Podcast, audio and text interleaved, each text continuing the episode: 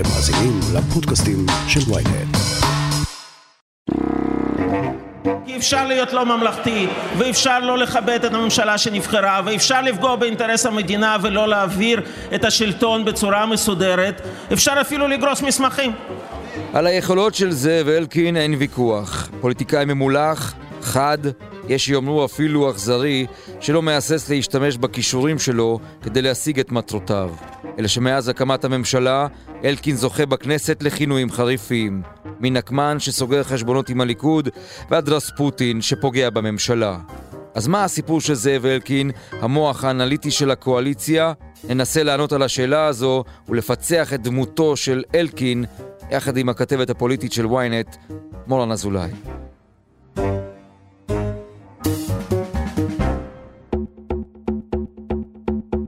הכותרת, הפודקאסט היומי של ynet עם עטילה שומפלבי. מורן, שנינו מכירים את זאב אלקין הרבה מאוד שנים, הוא נמצא בכל פינה, בכל נקודה, בכל צומת, בטח בשנים האחרונות. הוא משחק, הוא נוקם, מה הוא עושה עכשיו? למה כועסים עליו כל כך? כל מי שמסתובב בכנסת בימים האחרונים שואל את השאלה הזו שאיתה אתה פתחת את הפרק הזה. מה הסיפור שלך, זאב אלקין? מה אתה רוצה? והתשובה לשאלה הזו היא תלויה במידה רבה את מי אתה שואל. אם אתה שואל את האנשים שמצדדים בקו של זאב אלקין, את חברי הקואליציה, הם יגידו לך, הוא משחק את המשחק. זה זאב אלקין שאנחנו מכירים, זה זאב אלקין אה, המוכר, הידוע, שמוביל את הפרקטיקות המקובלות בפוליטיקה הישראלית, גם במידה מסוימת זה שממציא אותן, אה, ובמובן הזה הוא אה, לא השתנה. כפי שהוא היה עובד בשליחותו של נתניהו, כך הוא עובד בשליחותו של ראש הממשלה הנוכחי נפתלי בנט, או אפילו יהיו שיאמרו שיושב ראש המפלגה שלו, אה, גדעון סער, הזאב אותו זאב. אם תעבור לצד השני, שם הסיפור מתחיל uh, להסתבך, משום שהשאלה מה אתה רוצה, זאב אלקין מקבלת פה הרבה מאוד uh, הסברים, ניתוחים, פרשנויות ודברים מהסוג הזה. ונדמה לי שאם אני צריכה לארוז את זה לכותרת אחת, אז התשובה היא נקמה. זה פירוק הליכוד, זה השפלת אותם אנשים שבעצם גרמו לו בעבר להרגיש uh, מושפל. היום בכירי הליכוד משוכנעים שזאב אלקין בא לסגור חשבון. אז בואי רגע, לפני שנמשיך ולפני שניזכר גם ברגעים שבהם קראו לרעייתו בשמות גנאי, ממש בחודשים האחרונים. שמאלנית מתועבת! אלקין, תחזור לבית! בוגדת! רק כסף מעניין אותך! תמכרי את ארץ ישראל בשביל כסף אישה מטורפת! בואו ננסה להבין מה הוא עושה בעצם. הוא בולם את שיתוף הפעולה בין הקואליציה לבין האופוזיציה? הוא פוגע בכל ניסיון של האופוזיציה להרים ראש? מה הוא עושה? אז קודם כל הוא, בראש ובראשונה, הסיפור מתחיל בעובדה שהוא רוצה לבצר את הקואליציה שהוא חלק ממנה. כלומר, לתת לה איזשהו יתרון עד כאן עניינים לגיטימיים, דברים שלא לא חדשים ולא כאלה שלא ראינו בעבר. הסיפור מתחיל להסתבך בדרכים שבהן הוא אה, נוקט על מנת להבטיח את זה. וגם בכל מיני אירועי לוויין בשוליים של הדברים. ואולי במקרה הזה דווקא אני אתחיל מכל אותם אירועי לוויין כדי להתחבר לסיפור המרכזי. קח לדוגמה את הנושאים שמסעירים לא פחות ולא יותר את הכנסת בשבועיים האחרונים ופשוט מטלטלים אותה מצד לצד. חוק הדיינים, שהוא חוק שבא להעביר העולם לכאורה אה, בקטע של להחליף או לשנות את הרכב הוועדה. אממה, אומרים בכירי הליכוד, את כל הטלטלה הזו שהכנסת הזו חובה, אנחנו בעצם עוברים משום שזאב אלקין רוצה מקום בוועדה. איך עושים את זה? משנים את כל ההרכב, מביאים חוק אחר, הופכים את זה גם על הדרך כדי לתקוע אה, אצבע בתוך העיניים של המפלגות החרדיות, ואת כל זה עושים על מנת שזאב אלקין יקבל מקום בוועדה. בואו נתקדם עוד צעד אחד קדימה לעבר אירוע אה, לוויין נוסף. חוק נורבגי מורחב, באמת חסר תקדים, מעורר ביקורת, אגב, גם של גופים מהשמאל והמרכז, המפה הפוליטית בישראל, ואפילו עתירה שיש לבית המשפט בעניין הזה, משום משום שבאמת נדמה שנחצו פה כמה גבולות. החוק הנורבגי המורחב, אומרים בליכוד, זה חוק שנועד לטובת תקווה חדשה. את אף אחד לא מעניין להרחיב את החוק כל כך אה, הרבה, מלבד תקווה חדשה שרצו להכניס לכנסת כמה וכמה אנשים, וגם את מיכל שיר, אגב, צריך להגיד, ולכן זה חוק שכתוב על שמם, את כל הכנסת טרלל זאב אלקין בגלל אה, הנושא הזה.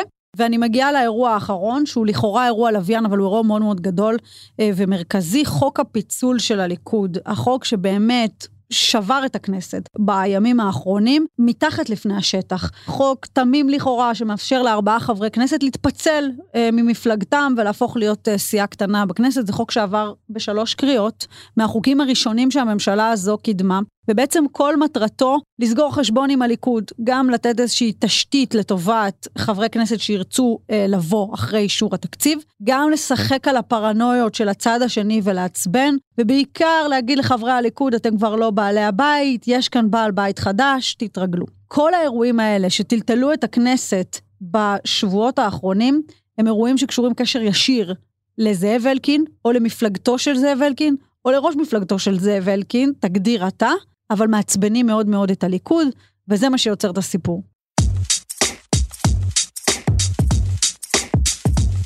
אם אנחנו עוסקים בזאב אלקין, חייבים להיזכר בדרך הפוליטית שלו. אנחנו מפלגה אחרונה שקורה שם דבר... הוא היה בקדימה. שהליכוד עדיין מקפיד על הדמוקרטיה הפנימית. ב-2009 אני זוכר אותו בכנסים של הליכוד כאשר הוא חצה את הקווים, עומד, מתמודד בפריימריז, הוא היה נראה לי חייזר, הוא היה נראה לי ביזארי. הוא אכן נבחר, ומהר מאוד הוא הפך לאחד השחקנים המרכזיים, יושב ראש קואליציה חזק ועוצמתי. כולם אמרו שאם אתה רוצה להיות יושב ראש קואליציה, אתה חייב להיות כמו זאב אלקין. כנראה שגנץ החליט להיות ראש ממשלה עד שעה שתיים בלילה, נותן ללפיד להיות עד חמש-שש בבוקר, ונתניהו לארבע שנים הקרובות. קרוב מאוד לנתניהו, טס איתו למוסקבה. איש הסוד שלו, מרכיב, מפרק, מוציא ומביא. ולפתע הוא קם בוקר אחד וקורא לנתניהו כמעט דיקטטור. אתה יודע את האמת. אנחנו הולכים לבחירות ההזויות האלה בגלל רצונך להשפיע על בחירת פרקליט המדינה והיועץ המשפטי לממשלה, ובשביל התקווה שלך לחוק הצרפתי. מאותו הרגע והלאה, אדוני ראש הוא הממשלה, נוקם. במצב כזה, אני לא יכול עוד לקרוא לאזרחי מדינת ישראל להצביע לך.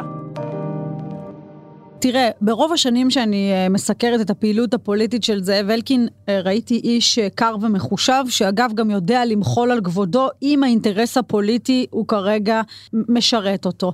קח לדוגמה את הקדנציה האחרונה שלו בליכוד, הרגע הזה שבו הוא היה צריך להתפשר על תפקיד, שעה שגילה גמליאל. בדיוק, שעה שגילה גמליאל למשל נכנסת לפניו אה, לקבלת התפקידים, מקבלת משרד גדול, השרה להגנת הסביבה, בעוד שהוא מקבל איזה שהם רסיסי משרדים והופך להיות באמת בדיחה פוליטית, אין דרך אחרת, שר להשכלה גבוהה, קראו לו שר הסטודנטים אה, ושר הממטרות ומה לא, אתה זוכר. אבל הוא לקח את זה, הוא הבין את הפוטנציאל הנפיץ של האירוע הזה, הוריד את הראש. מחל על כבודו ולקח את זה וחיכה לרגע.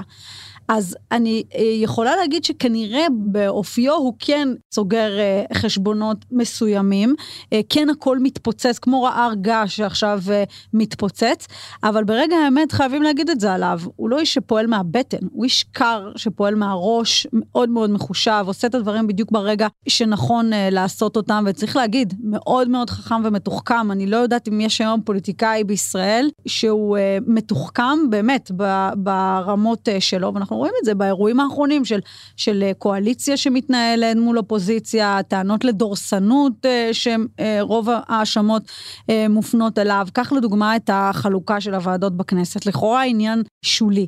אבל הטענה של הליכוד זה שהייצוג הכל כך דל שהם קיבלו, זה לא בגלל באמת רק לייצר איזשהו פערי רוב. לשיטתם, הוא עשה את מה שהוא עשה כדי שהם ירגישו משועממים, חסרי מעש, לא רלוונטיים, מושפלים, ואז גם התחילו להתעסק בעניינים הפנימיים שלהם, אולי אפילו עד הדחת נתניהו. אז כל חבריו לשעבר בליכוד לוקחים את האירוע הזה מאוד מאוד קשה. אה, אומרים, אתה היית חלק מאיתנו עד עכשיו, למה אתה רומס אותנו? למה כל הדבר הזה שאתה עכשיו אה, מוביל, נוגע בדיוק בדיוק בנקודות הרגישות ביותר שלנו? הרי לא מדובר באיזה שהן תקנות חדשות, בתיקונים לחוק שהוא מבקש לעשות לטובת אזרחי ישראל. תשים לב במה אנחנו מדברים פה. החוק של הפיצול אה, של הליכוד, הסיפור של הייצוג בוועדות, אלה דברים שנוגעים ממש בציפור הנפש שלהם, ולכן אתה רואה דם רע, ממש דם רע בכנסת. מיד נמשיך עם הכותרת, אבל לפני כן, הנה הודעה קצרה. אהלן, זה עופר שלח. אני רוצה להזמין אתכם להאזין לפודקאסט החדש שלי מבית ynet. קוראים לו האמת היא, ובכל שבוע אני אשוחח בו עם דמות אחרת על סדר היום העתידי של ישראל, שזו דרך יפה להגיד שנדבר על כל מה שבאמת חשוב שהפוליטיקה תעשה בשבילנו. אז חפשו האמת היא באפליקציות הפודקאסט שלכם, יהיה מעניין. האמת היא, עם עופר שלח. עם עופר שלח.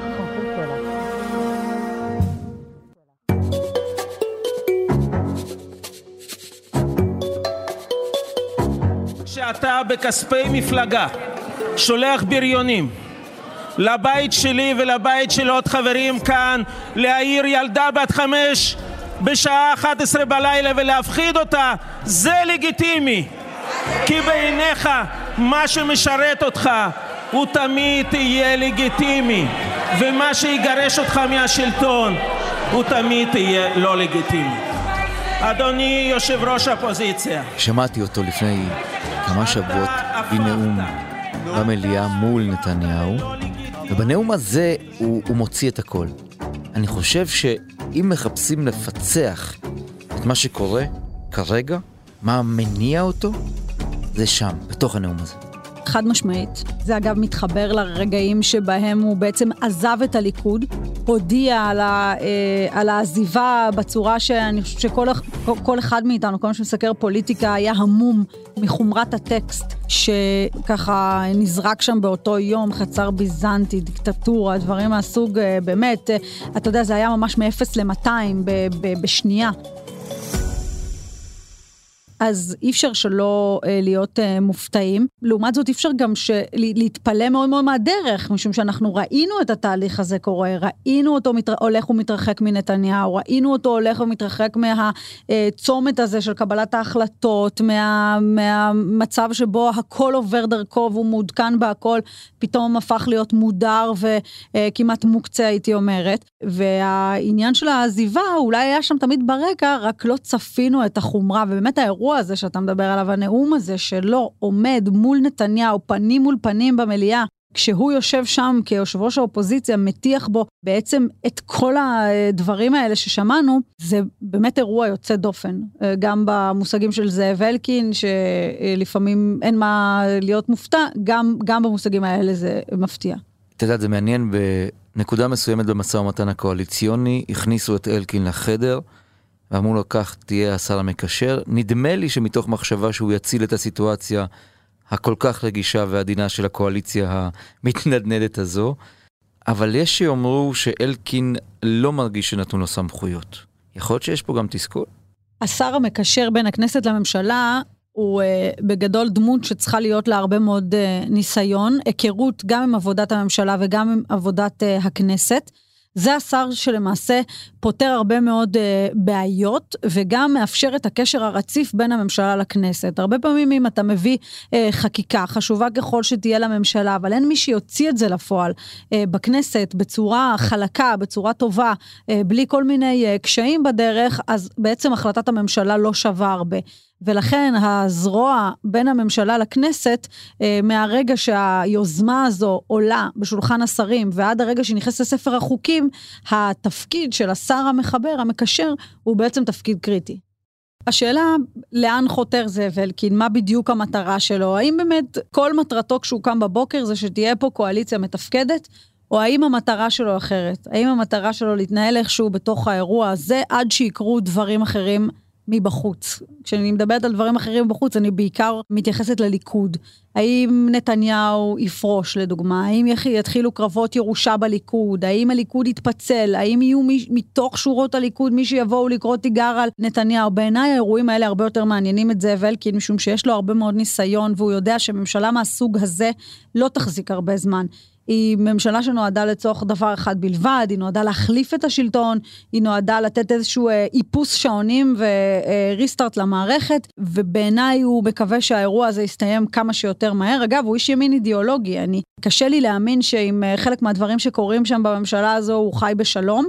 גם הפשרות שהוא נאלץ להגיע עם כל מיני גורמים אה, בקואליציה הזו, ואני מדברת בעיקר על רע"מ ועל מרץ, זה לא ב-DNA שלו. הוא לא אדם שזה בא לו אה, טבעי, ולכן אני חושבת שאם אה, אתה שואל אותי לאן הוא חותר או מה הוא שואף, אני חושבת שהוא שואף לאירועים חיצוניים אחרים, שאיכשהו יסדרו לו גם את הסיטואציה הזו בתוך הקואליציה ויאפשרו באמת להקים איזשהו הרכב אחר הרבה יותר נוח.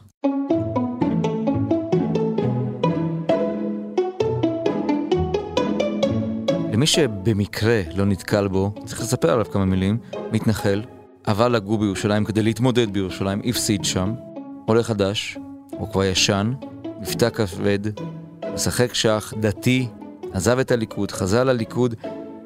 מדובר באדם שאפשר לומר עליו שיש לו המון ניסיון, המון קור רוח והמון יכולת לבצע צעדים שלעיתים לא פופולריים. את חושבת שהוא רואה את עצמו, אפילו לרגע אחד, ראש ממשלה במדינת ישראל? אין לו כריזמה, הוא לא סוחף, כל הדברים שאנחנו יודעים, לא אוסיף יותר. אבל הוא כן חושב, אני יכול לנהל את העיר? אני לא חושבת שהוא שם. זה לא נראה לי באזורים האלה, ואני אומרת את זה משום שתראה את הדרך הפוליטית שלו. קודם כל, אה, יד ימינו, האיש הכי קרוב אה, לנתניהו, האיש שמנהל עבורו את האירועים, המוציא והמביא ודברים מהסוג הזה. ואז המעבר הזה לגדעון סער, בעצם הטוען לכתר, זה שרוצה לרשת את נתניהו, האיש אה, שבעצם קרא תיגר על המנהיג הקודם, אליו הוא עבר והוא משמש כיד ימינו, ואם אני צריכה לנתח לפחות את השנים הקרובות של זאב אלקין קדימה, לדעתי אה, כן להישאר שחקן מרכזי ומשפיע. אני חושבת שבשנה האחרונה המטרה שלו כן הייתה או הלכה ונבנתה, אני לא יודעת אם מראש להחליף את נתניהו, כן כבר התחילה לחלחל ההבנה שהשלטון הזה לא טוב, שהליכוד זה לא מה שהיה, ואני חושבת שהמטרה הראשונה שלו הוא השיג, כלומר, גם להחליף את uh, נתניהו וגם אולי לסגור חשבון עם כמה חבריו uh, מהליכוד, היא מדברת בעיקר על uh, אנשים כמו מירי רגב, אני מזכירה לך שבאותו נאום הוא אמר לה, מירי, כשאת יושבת שם בספסלי האופוזיציה, אני ישן טוב בלילה, אז נדמה לי שלפחות וי אחד הוא סימן לעצמו. אם אתה שואל אותי, לדעתי, ממה שאני רואה את ההתנהלות שלו, אני חושבת שלהיות שחקן משפיע איפשהו אה, ליד מנהיג שהוא כן יכול להעריך אותו ואת הדרך שלו, נראה לי שזה המקום שלו, פחות אה, שאיפות אישיות אה, להתמודדות להנהגה. השירותים של זאב אלקין מאוד מבוקשים בפוליטיקה הישראלית, מאוד מבוקשים בכנסת. נדמה לי שכל ראש ממשלה שיש לו בינה בראשו רוצה את אלקין לידו, והוא נאמן. זה נכון, אם כי אני חייבת להגיד לך שבקואליציה הנוכחית, בשעה שהיא הוקמה, היו כל מיני אה, קולות לכאן או לכאן של אנשים שאמרו, האם זאב אלקין זה האיש שאנחנו יכולים לסמוך עליו? וזה משום שבגלל אמ, שהוא כל כך חכם וכל כך מבריק מבחינה אה, פוליטית, אתה אף פעם לא יודע מה האינטרסים שלו, אתה לא יודע אף פעם בשם מה ובשם מי הוא פועל ומה אה, המטרה כרגע. זה לא שאתה עכשיו לוקח, אתה יודע, שכיר חרב, מתוחכם, אבל uh, תמים, שפשוט עושה את העבודה וחוזר עם התוצאה. לשיטת חלק מחברי הקואליציה זה לא המקרה. ולכן גם כששמו עלה כיושב ראש כנסת אפשרי, מיד היו כאלה שהתקוממו ואמרו, זאב אלקין שעבר מקדימה לליכוד ועכשיו מהליכוד לתקווה חדשה, זה האיש שאנחנו רוצים שינהל את הכנסת, בו אנחנו כולנו נהיה תלויים? לא ולא. אה, ולכן אה, הרבה פעמים הוא גם סובל מהתחכום הזה, משום שאנשים מייחסים לו יותר מדי תחכום בצורה שאתה לא יודע לקרוא אותו עד הסוף, ובאמת הוא איש שקשה מאוד לקרוא עד הסוף. אתה, אה, אני יכולה להגיד שהוא מסוג הפוליטיקאים, שאצלם התכונה הזו, מה שרואים זה לא מה שיש, היא הכי הכי מפותחת. כלומר, אתה רואה משהו אחד, אבל אתה לא יודע מה יש שם הלאה בשכבות. ואנחנו נמשיך לנסות לפצח את דמותו של זאב אלקין, נקמן, רספוטין, יועץ צרים, אולי האיש הכי חשוב, אין לדעת. מורן אזולאי, המון תודה. תודה. עד כאן הכותרת להיום. מחר נהיה כאן שוב עם פרק נוסף. אתם מוזמנים להזין לפרקים נוספים בוויינט, בספוטיפיי, באפל ובכל אפליקציות הפודקאסטים באשר הן. אם יש לכם הערות, בקשות או רעיונות, אתם מוזמנים ליצור איתי קשר באמצעות האימייל podcaststrudelynet.co.il עורך הפודקאסים שלנו רון טוביה, בצוות ערן נחמני ושחה ברקת, על הסאונד ניסו עזרן. אני עטילה שומפלבי, נשתמע מחר. יפה, אז אם להטיל על זכויות יוצרים, אז מה מגיע לו בהחלט?